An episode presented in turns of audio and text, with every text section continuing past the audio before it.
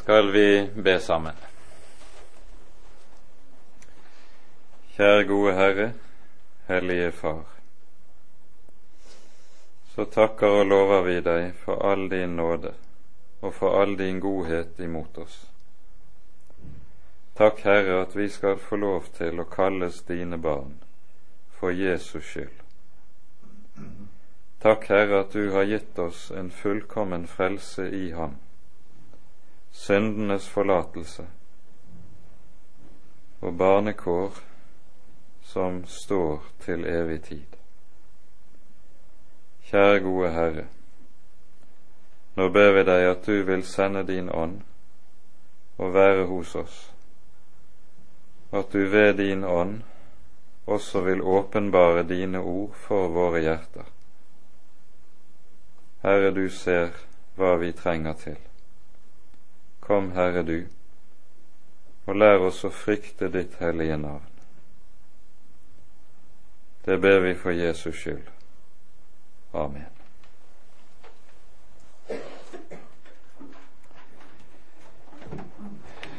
Nå er vi altså kommet til det sjette kapitlet i åpenbaringsboken. Et kapittel der det som har med synene om de ting som skal komme, nå begynner å utfoldes. I eh, de to foregående kapitlene var vi tatt med inn i den himmelske gudstjenesten, der de fikk lov til, like som bak forhenget, å se inn i den himmelske helligdommen, og vi understreket at det som skjer for Guds trone i himmelen, det er det som utgjør forutsetningen for det som så skjer på jorden. Og dette understrekes om igjen og om igjen utover gjennom hele åpenbaringsboken. I det det er slik at hvert nytt stadium i den historie som skrider fremad, det hvert nytt stadium tar sin begynnelse i himmelen. Det som er det grunnleggende for hele åpenbaringens måte å tale om historien på. For det er jo slik at her i denne boken så får vi også lære noe av det grunnleggende i Bibelens historiesyn. Så er det også slik altså at det fundamentale, det er budskapet om at Jesus, at lammet, er Herren over alle ting. Lammet gikk bort til han som satt på tronen, og tok imot boken, bokrullen, av hans høyre hånd.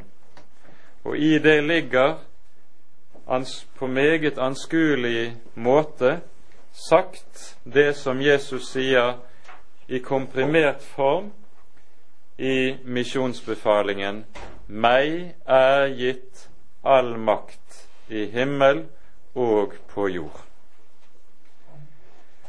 Dette innebærer altså at i det panorama som likesom rulles opp for oss utover nå i åpenbaringsboken, der vi hører om mye som er mørkt, som er ondt, og som er forferdelig, så innebærer ingenting av dette at Han som er Herren, har mistet kontrollen, at han er fratatt makten.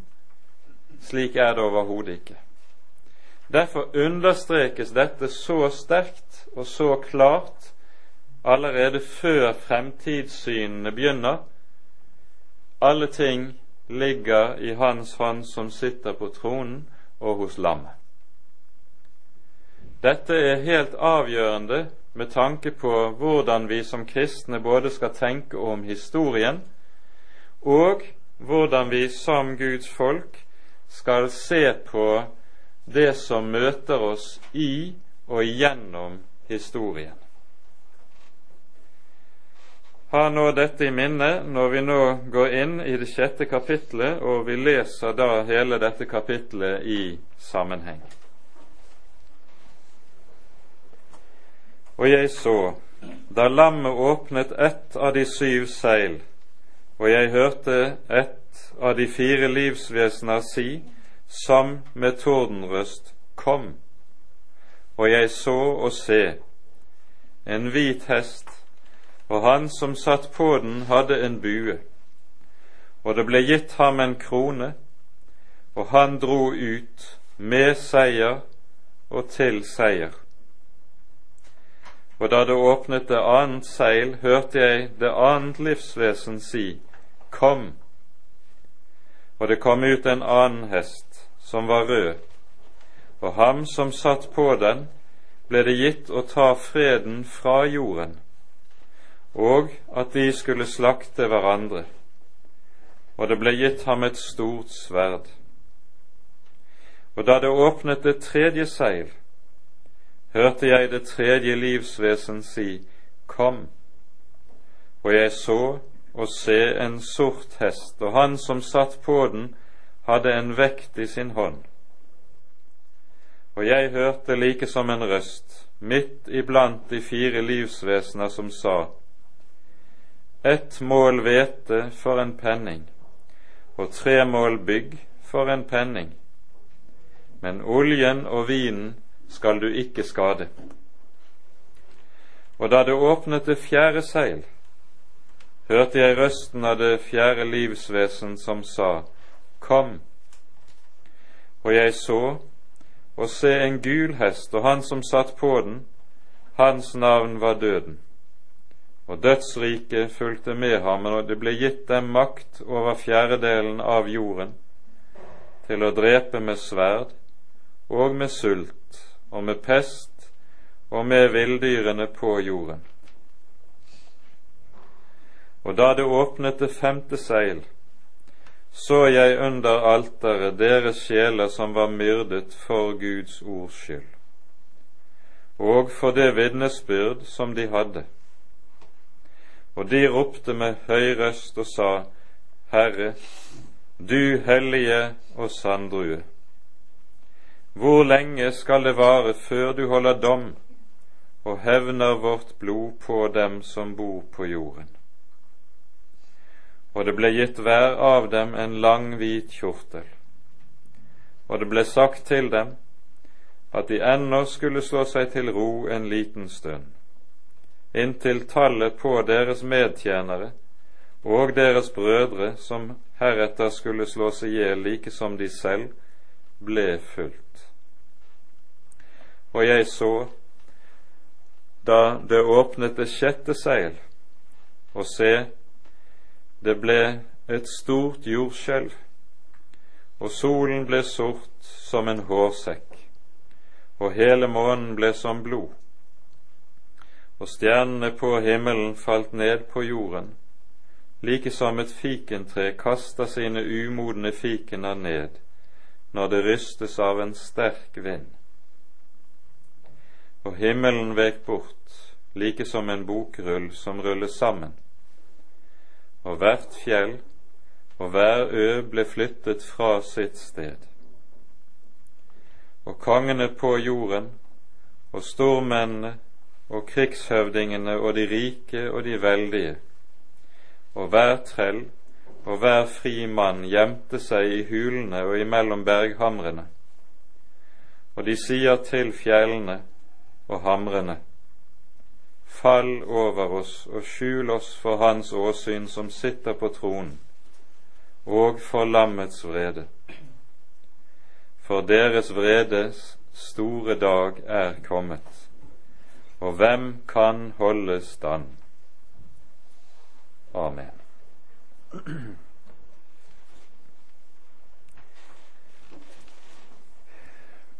Det som vi nå hører i fortsettelsen i åpenbaringsboken, er at nå er boken disponert slik at vi møter like som syvtallet som kommer som sirkler, kanskje som konsentriske sirkler, som utfolder synene i boken. Nå hører vi først om de syv seil som brytes. Når det syvende seilet blir brutt, så kommer det et nytt syvtall. Da kommer det syv basuner. Og, og i sammenheng med basunene møter vi tilsvarende utfoldelse av det som skal skje i historien. Og så, ved den syvende basun, åpnes der så et nytt lokk, og der kommer de syv vredesskålene. Så dette strukturerer synene nå fremover i åpenbaringsboken. Og Det vi nå i første omgang skal være oppmerksom på, det er at det vi her hører i kapittel 6, det gir oss det som er grunnvilkårene i all historie overhodet. Det gir oss det som er fundamentet i det kristne historiesyn. Og Dette er viktig å være oppmerksom på. Og Det innebærer at vi må ikke tenke om åpenbaringsboken fra og med dette avsnittet slik at nå er det like som, som at dette begynner på et tidspunkt, og så har du en fortskridende, en fremadskridende historie der det ene like som følger etter det andre i tid. Slik er det ikke. Det som i stedet er tilfellet, er at når de syv første, når de syv seil er brutt, så er det gitt med oss altså grunnvilkårene i all historie overhodet. Og så får vi senere hen, når det taler om basunene og vredeskålene, høre noe som nok nærmer seg det vi kan kalle en mer fremadskridende utvikling. Men det gjelder ikke her i det vi hører om de syv seil som brytes. Det er det første som er viktig å være oppmerksom på. Hvordan kan det så ha seg, dette som vi her er inne på, at det her dreier seg om grunnvilkårene i det kristne historiesyn? For det første skal vi være oppmerksom på at de fire rytterne vi nå hører om, de er symboler som hver for seg kjennetegner grunnkrefter som er virksomme i historien. Og hvilke er nå disse grunnkreftene?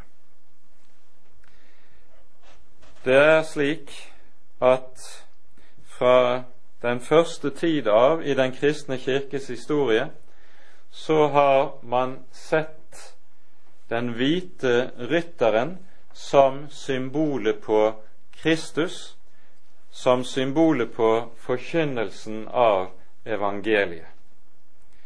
Først i nyere tid er det blitt alminnelig å se også den hvite rytteren, eller rytteren på den hvite hesten, som en som uh, også bringer ødeleggelse med seg, like som de tre neste som omtales.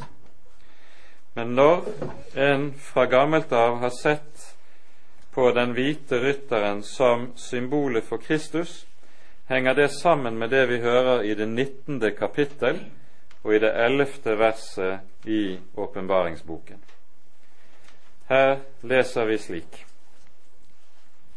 Jeg så himmelen åpnet, og se en hvit hest, og han som satt på den, heter trofast og sandru, og han dømmer og strider med rettferdighet. Hans øyne er som ildslue, og på hans hode er det mange kroner. Han har et navn skrevet som ingen kjenner uten ham selv. Han er kledd i et kledebon som er dyppet i blod, og han er kalt Guds ord. Her møter vi igjen den hvite hesten, og han som sitter på den, altså kalles Guds ord. Og av de trekkene som rytteren på den hvite hesten er tegnet med, så skjønner vi også at her er det ikke tegnet inn noen domsgjerning i samband med denne. Han som satt på den, hadde en bue. Det ble gitt ham en krone, og han dro ut med seier og til seier. Det denne rytteren på den hvite hesten symboliserer, det er evangeliets forkynnelse i historien. Og Dette er viktig å være klar over. Evangeliet er noe som Gud har sendt ut for at det likesom skal ri gjennom historien, ri gjennom rikene og folkeslagenes liv og historie. Når evangeliet er tegnet under dette bildet av en hest, så ligger det i det et element av kamp. For det er jo slik at overalt der evangeliet lyder og forkynnes rett, der vil det alltid føre med seg strid og kamp også. Jesus sier selv uttrykkelig i Matteusevangeliets tiende kapittel dere må ikke tenke at jeg er kommet for å sende fred på jorden. Jeg er ikke kommet for å sende fred, men sverd. Og slik var det også i Jesu jordeliv, at der han trådte frem og forkynte ordet, der førte det alltid til strid blant menneskene. Enten slik som vi ofte hører om, at skaren som hørte ordet, delte seg og kom i innbyrdes disputt og diskusjon seg imellom, eller på det vis som vi også ofte hører i evangeliene, at Jesus selv møtes av det skarpeste fiendskap. Derfor er det slik at der evangeliet lyder sant og rett, der blir det det vi med rette kaller for åndskamp. Og blir ordet forkynt uten at det blir slik åndskamp, da er det grunn til å frykte at ordet ikke er forkynt rett.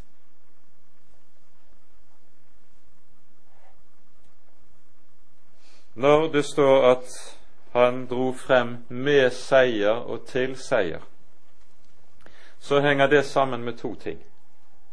For det første med det som sies i det femte kapittelet om lammet som åpner boken. Johannes gråt sårt fordi det var ingen som kunne ta boken og åpne den, hører vi i det femte kapittelet, og så får han trøsten gråt ikke. Løven av Judas stamme har seiret og kan åpne boken. Seieren tilhører ham. Og Jesus sier dette også uttrykkelig flere steder i evangeliene. I slutten av Johannes 16 sier han slik:" Dette har jeg talt til dere for at dere skal ha fred i meg. I verden har dere trengsel. Frykt ikke, jeg har overvunnet. Jeg har beseiret verden. I evangeliet om Herren Jesus er verden og det onde i verden overvunnet fordi Han som er denne verdens fyrste, er overvunnet. Seieren hører Jesus til. Seieren hører derfor også evangeliet til. Og Det dette bildet altså dreier seg om og handler om, det er at evangeliet skal gå sin seiersgang gjennom historien og gjennom alle folkeslag, inntil enden. Og slik Bibelen taler om denne sak, så lærer den meget tydelig at evangeliets forkynnelse er den eneste grunn til at verden enda står. Jesus sier jo uttrykkelig i endetidstalen i Matteus 24 dette evangelium skal forkynnes til et vitnesbyrd for alle folkeslag. Så skal enden komme. Og i 2. Peters brev sies det slik i det tredje kapittel, som svar til noen som lurer på hvorfor det tar så lang tid før Herren kommer. Peter svarer og sier, Herren er ikke sen med løftet, således som noen akter det for senhet, men han har langmodighet med dere da han ikke vil at noen skal fortapes, men at alle skal komme til omvendelse. Og omvendelse, det er noe som gis og virkes utelukkende gjennom forkynnelsen av Guds ord. Slik er det at rytteren på den hvite hesten, det er Herren Jesus som rir frem med forkynnelsen av evangeliet. Og Dette budskap det er altså noe som møter oss gjennom Ordet. Ordet og ordets forkynnelse er altså det som er hovedårsaken til at verden ennå står. Og vi tør også si med det i forkynnelsen av Guds ord ligger dermed også den kristne menighets eksistensberettigelse.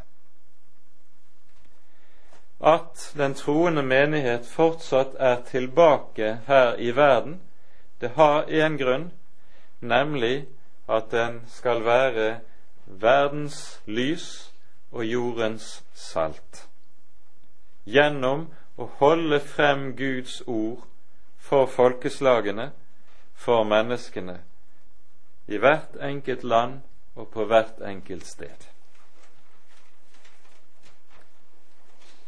Når det gjelder de neste rytterne, så representerer de i motsetning til den hvite rytteren som kommer med evangeliet, og dermed altså kommer med velsignelseskreftene i historien, så representerer de tre øvrige rytterne forbannelseskreftene i historien. Disse kreftene gjør seg også alltid gjeldende så lenge denne verden står. Og de gjør seg først og fremst gjeldende, og i sterkest grad gjeldende, der hvor rytteren på den hvite hesten blir avvist. Der vil Gud trekke sin velsignelse tilbake, slik at i stedet kommer det andre krefter til å være det som gjør seg gjeldende i folkelivet, nemlig forbannelseskreftene, der krigen og ødeleggelsen gradvis gjør seg gjeldende. Det som er bakgrunnen for dette, det er at der mennesket ikke lenger tror og holder fast på evangeliet, der vil synden med dens makt få overhånd. Og så sier Skriften at den som sår i sitt kjød, skal høste fordervelse av kjødet. For det et menneske sår, det skal det også høste. Der synden får makt i menneskenes liv, i nasjonene og i folkeslagene, der vil disse ondskapens krefter også gradvis begynne å gjøre seg gjeldende. Og de vil vokse i kraft og vokse i makt. Og så blir det krigen så blir det hungersnøden og alle disse andre ulykker som følger i kjølvannet på dette, som kommer til å bli rådende i menneskehetens historie. For synden bærer sin egen lønn i seg. Det Skriften sier om dette, det er samlet i konsentrert form i et par avsnitt, først og fremst i Det gamle testamentet. Vi slår først opp i uh, første kongebok i det åttende kapitlet.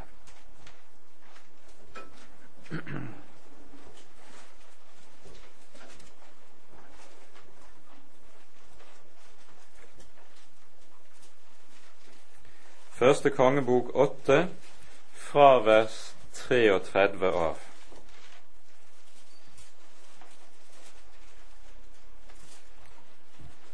Når ditt folk Israel blir slått av fienden fordi de synder imot deg, men de så vender om til deg og bekjenner ditt navn og ber til deg og bønnfaller deg om nåde i dette hus, så vil du høre det i himmelen og forlate ditt folk Israel dets synd, og føre dem tilbake til det land du har gitt deres fedre.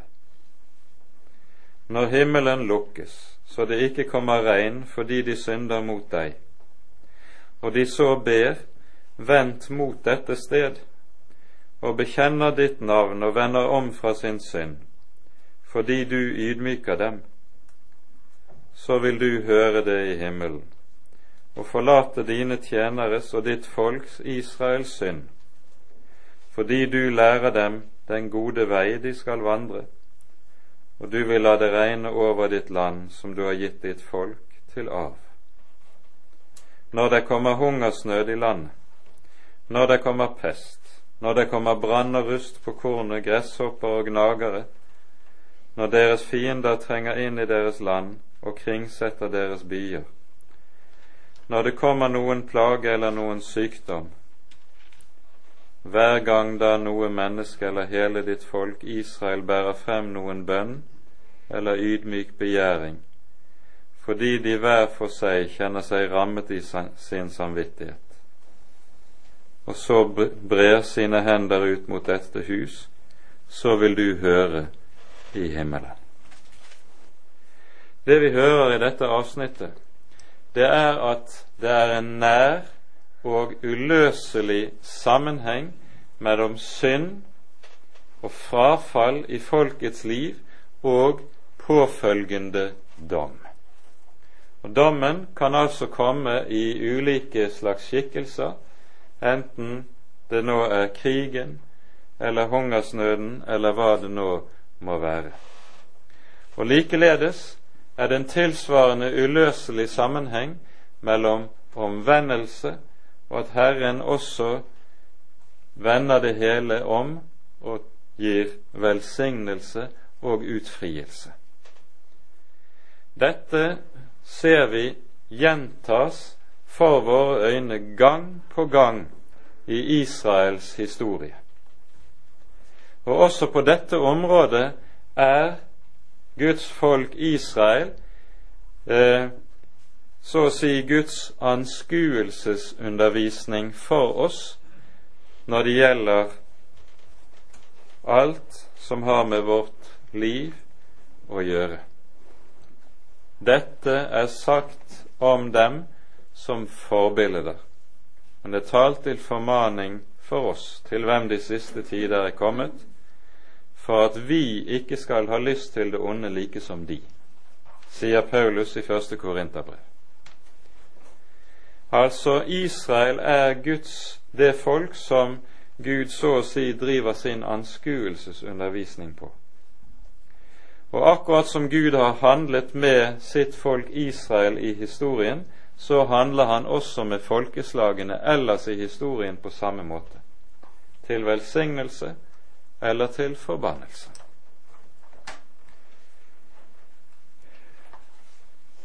Mer prinsipielt er dette uttrykt i Femte Mosebok i det 28. kapittel og i Tredje Mosebok i det 26.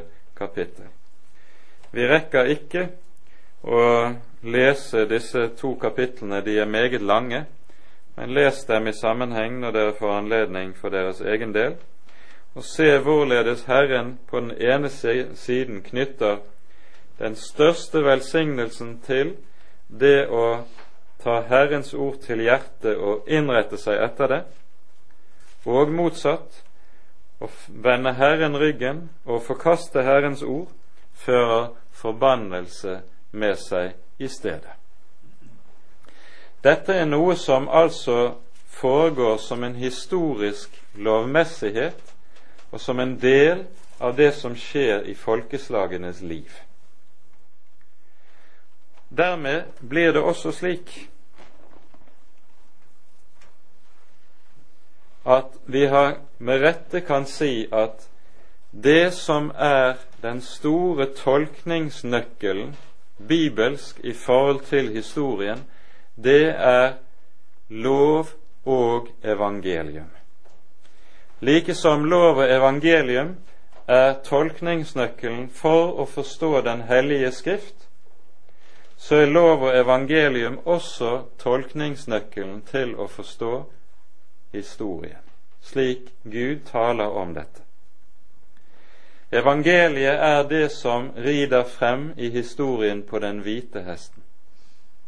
Der evangeliet blir tatt imot, der kommer velsignelsen og gjør seg gjeldende inn i folkeslagenes liv. Der evangeliet forkastes, hva skjer der? Der kommer en motsatt inn under loven. For enten er man under evangeliet, eller så er man under loven. Og kommer man inn under loven, da kommer man dermed også inn under forbannelsen. For der loven råder, der råder også forbannelsen med alle dens ulykksalige virkninger.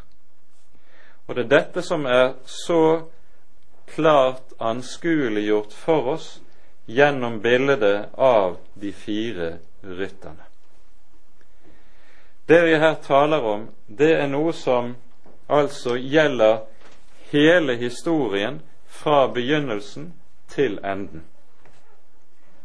Og det er slikt som skjer i folkeslagenes liv, så å si som tidevannet som stiger og synker.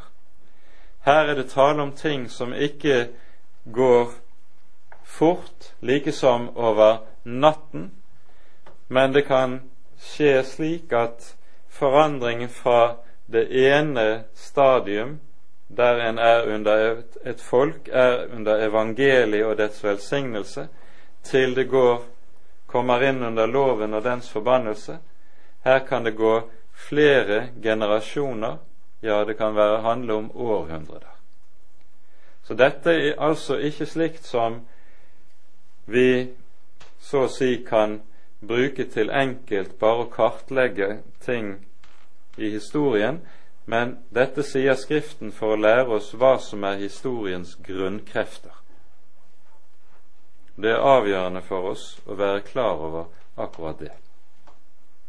Det et menneske sår, skal det også høste, står det i Galatane 6-7.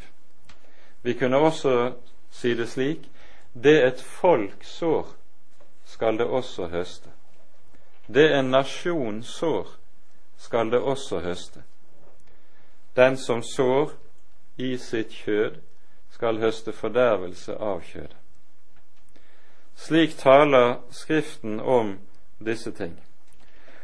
Og så vet vi og forstår vi med dette at dermed så har Gud satt disse krefter inn i historien som noe som gjør seg gjeldende like fra syndefallets dag, når døden kom inn i verden. Gud sier på syndefallets dag to ord til Adam. For det første, fordi du gjorde dette, skal jorden være forbannet for din skyld. Det vi her hører om, de ulike rytterne, det er en del av disse forbannelseskreftene. Og for det andre sier Herren til Adam, fordi du gjorde dette, skal du vende tilbake til den jord du er tatt av. Du skal visselig dø. Døden kommer inn, og så er døden der som en makt som stadig hersker og råder gjennom historien. Slik er det fordi synden råder, så råder også døden og forbannelsen i menneskehetens historie. Dette gir oss et historiesyn som på en helt annen måte er realistisk i forhold til den verden vi faktisk lever i. Slik taler nemlig Bibelen om historien. Dagens spørsmål, som vi veldig ofte kan høre lyde, hvordan kan det være en kjærlig Gud når det er så meget ondt i verden? Det er et spørsmål som springer ut av at en er fremmed for dette avgjørende perspektivet som Bibelen her maler for oss, og som springer ut av at all synd møter sin dom. Det henger altså sammen med talen om at Gud også er den hellige Gud, og derfor også dommens Gud. Det er dette som er bakgrunnen for dette. Dersom Gud bare var kjærlighet, så hadde dette spørsmålet muligens sin berettigelse. Men fordi Gud også er hellighet, fordi Han er en dommer, og fordi mennesket ikke er godt, men mennesket er ondt, derfor er det slik i historien som vi ser det, og vi skal ikke forvente oss noe annet. Ja, når profeten Daniel ser fremover mot Messias dager og avslutningen, slik som vi hører det f.eks. i Daniels bok i det niende kapittel, der det tales om hvorledes det skal føres frem en evig rettferdighet. Så sies det i Daniel 9, 26 slik om uh, det som skal skje i fortsettelsen. Etter de 62 uker skal den salvede utryddes, altså Messias skal utryddes, og intet ha. Og byen og helligdommen skal en kommende fyrstes folk ødelegge. Enden på det er oversvømmelse, og inntil enden er det krig. Daniel 9, 26. Slik taler Skriften om historien, og menneskehetens historie er og blir slik. Og vi kan aldri forvente noe annet så lenge mennesket er som det er. Så lenge mennesket er ondt og søker seg selv, så vil også dette være vilkårene i historien. Det innebærer også at all velsignelse i folkeslagenes liv, når det blir lyst i et folks liv, så henger det ene og alene sammen med at den hvite rytteren har fått komme til og bli tatt imot. Og så fikk evangeliet komme inn i hjertene, og folkeslagene lærte Herren å kjenne. Da blir det velsignelse i folkenes liv. Så meget får være sagt om denne sak, men vi får være klar over det vi her hører.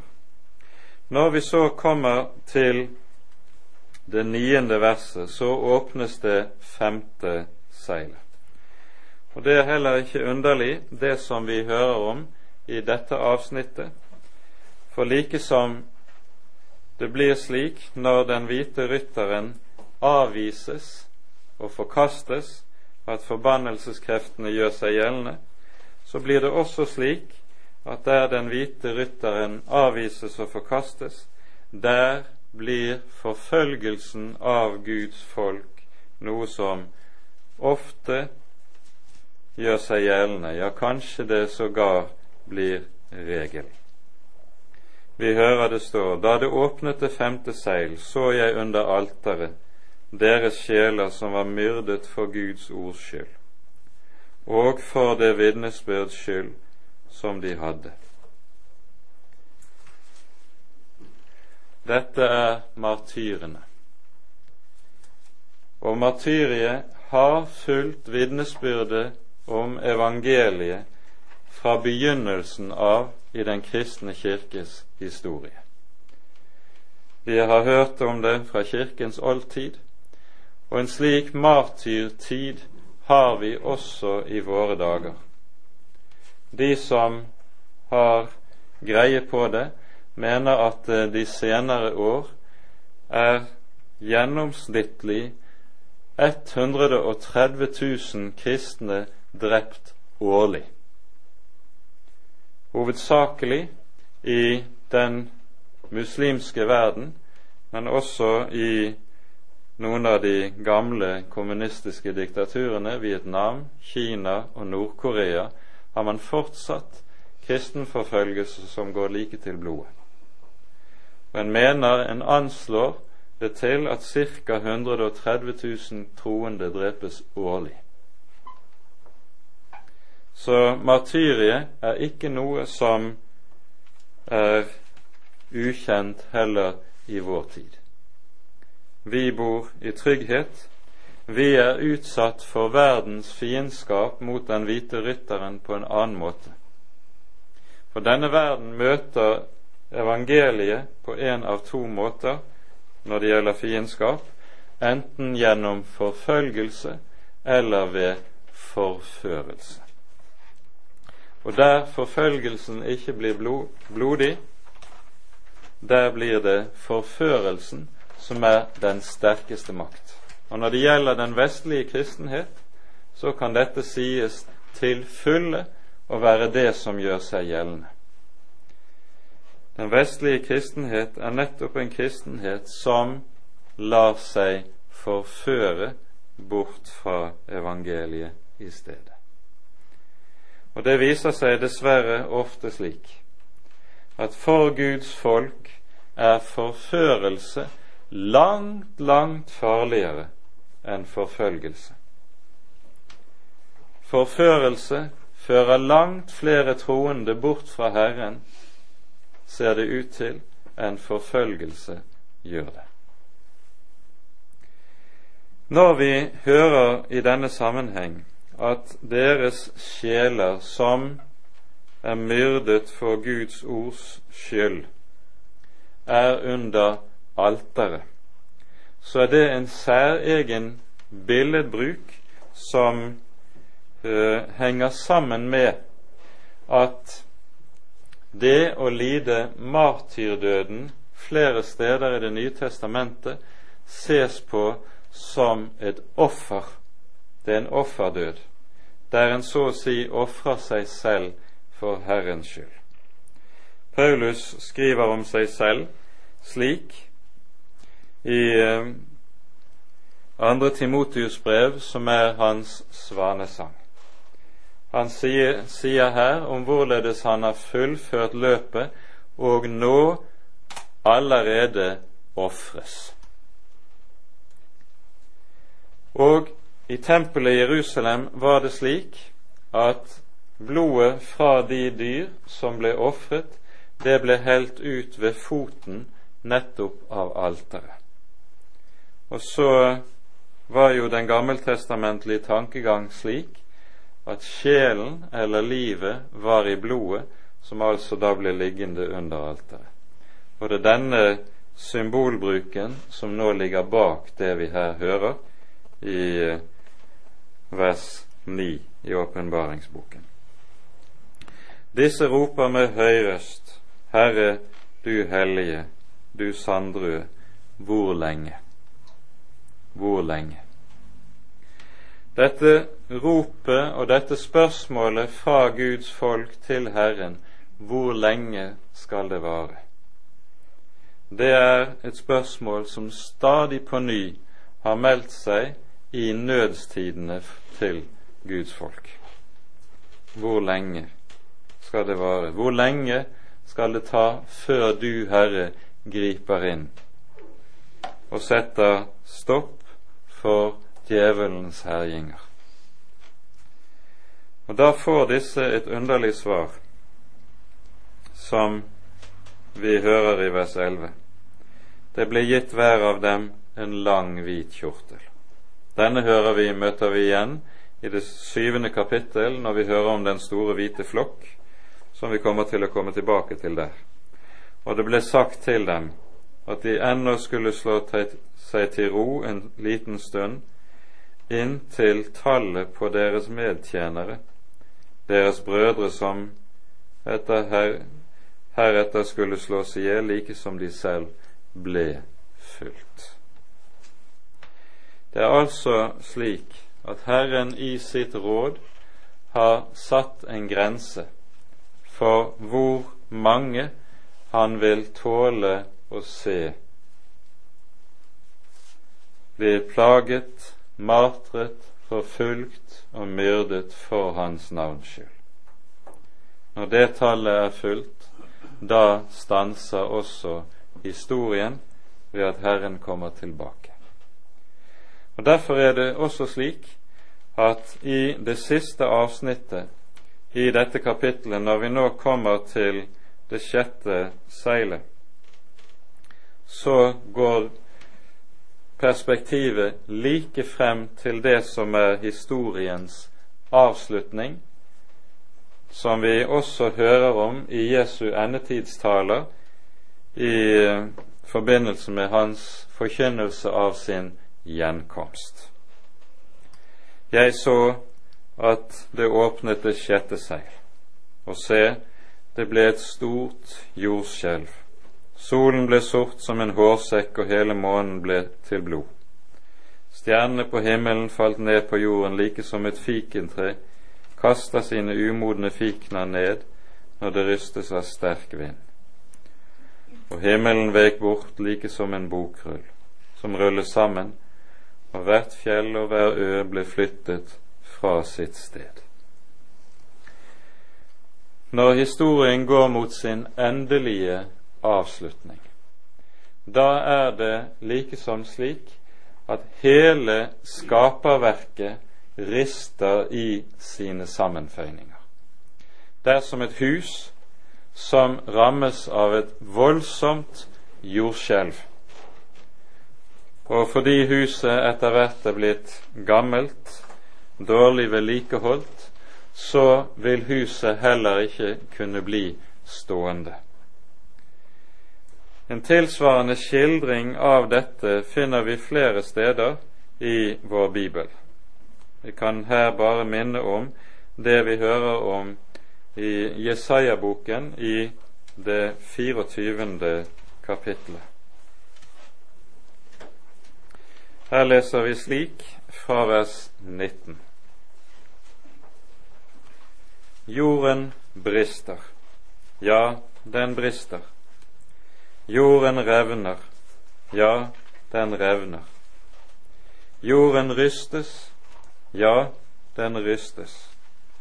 Jorden skal rave som den drukne og svinges hit og dit som en hengekøye og dens misgjerning skal tynge på den, og den skal falle og ikke reise seg mer.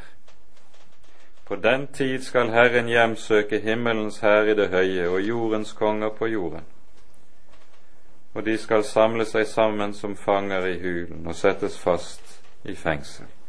Langt om lenge skal de få sin straff.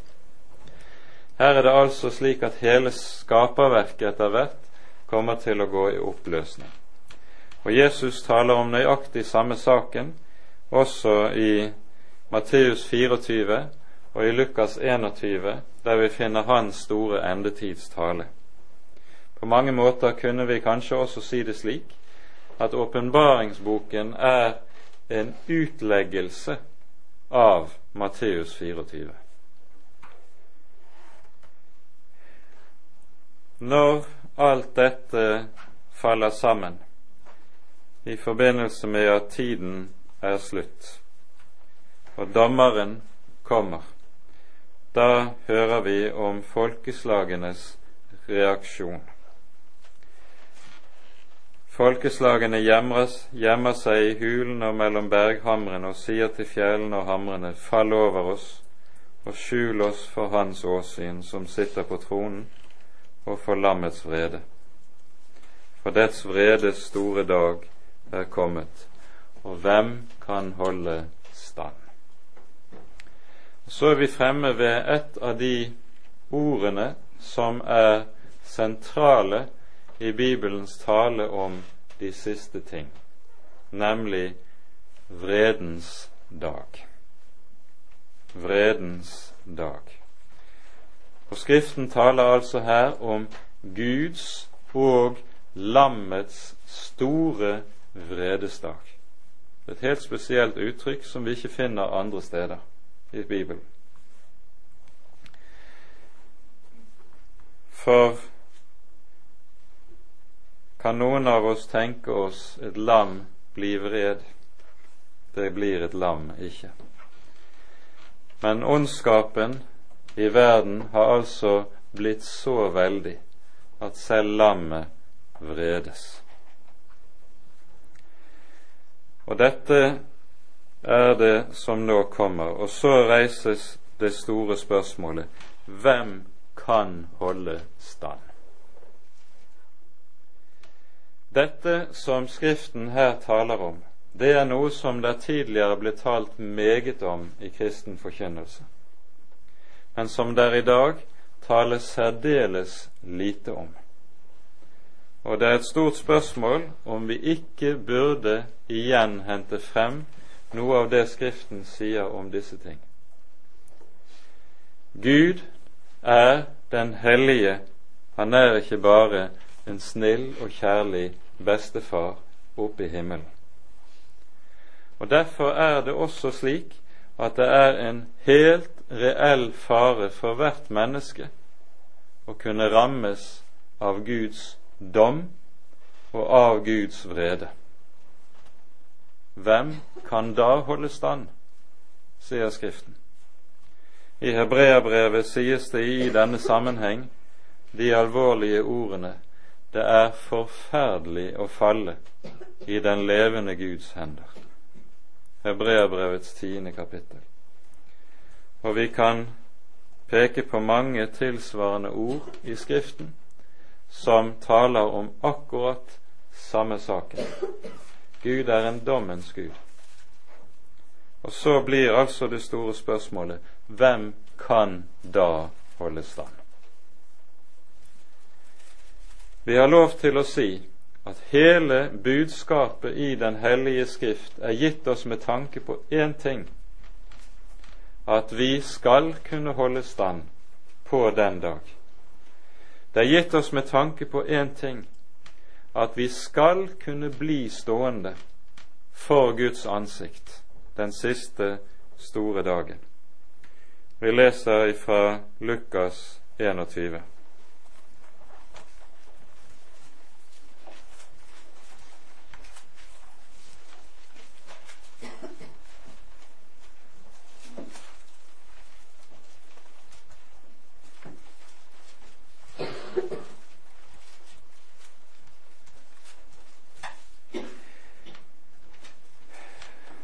Vi leser først fra vers 25.